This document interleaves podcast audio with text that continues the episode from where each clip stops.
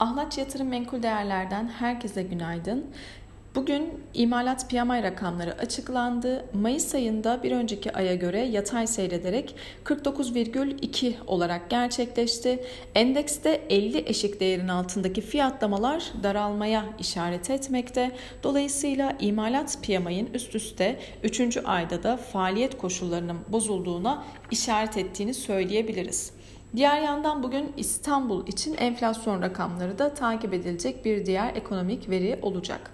Dolar TL'ye baktığımızda 16.41, Euro TL ise parite etkisinden ötürü sınırlı geri çekilme ile 17.57'den fiyatlanıyor.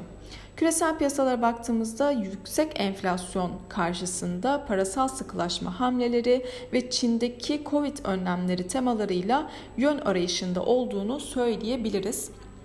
Asya piyasaları karışık seyrederken ABD vadelileri ise bu sabah pozitif seyrediyor. Brent petrol tarafına baktığımızda Avrupa Birliği ülkelerinin Rus ham petrolü ithalatının kısmen ve kademeli olarak azaltılması konusunda anlaşmaya varmaları sebebiyle 120 dolar seviyelerine kadar yükselmişti. Yarın Özellikle OPEC Plus ülkelerinin toplantısı yakından takip edilecek. Toplantı öncesinde Brent petrol şu an 116 dolar seviyelerinden işlem görüyor. Beklenti Temmuz ayı için arzın günlük 430 bin varil yükseltilmesi yönünde. İçeride piyasalara baktığımızda dün büyüme ve dış ticaret rakamları açıklanmıştı. Türkiye ekonomisi ilk çeyrek yıllık bazda %7,3, çeyreklik bazda ise %1,2 büyüme kaydetti. En yüksek büyüme tüketim harcamaları kaleminde görüldü. Dış ticaret açığı ise yıllık bazda %98,5 artışla 6,11 milyar dolar olarak kaydedildi.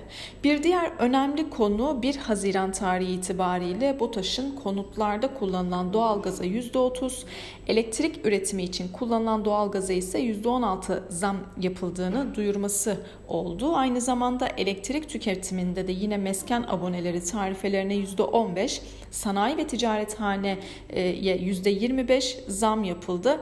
Bunun elbette ki enflasyona yukarı yönlü bir e, katkısı önümüzdeki dönemde olacaktır. Borsa İstanbul'a baktığımızda dün %0,79 değer kazancıyla 2547 puandan kapatmıştı. Özellikle yukarıda 22 Nisan tarihinde görmüş olduğu zirve seviyesi 2562 puan önemli olacak. Bu seviyenin üzerindeki günlük kapanışlarda ise 2600 seviyesi yakın hedef olarak belirlenebilir. Aşağıda ise 2530 ve 2500 puan seviyeleri ise destek olarak takip edilebilir. Bugün yurt içerisinde e, enflasyon, İstanbul için enflasyon rakamı takip edilecek. Yurt dışında ise Euro bölgesi işsizlik oranı, e, Lagarde'ın konuşması takip edilecek. Herkese bol kazançlı güzel bir gün diliyorum.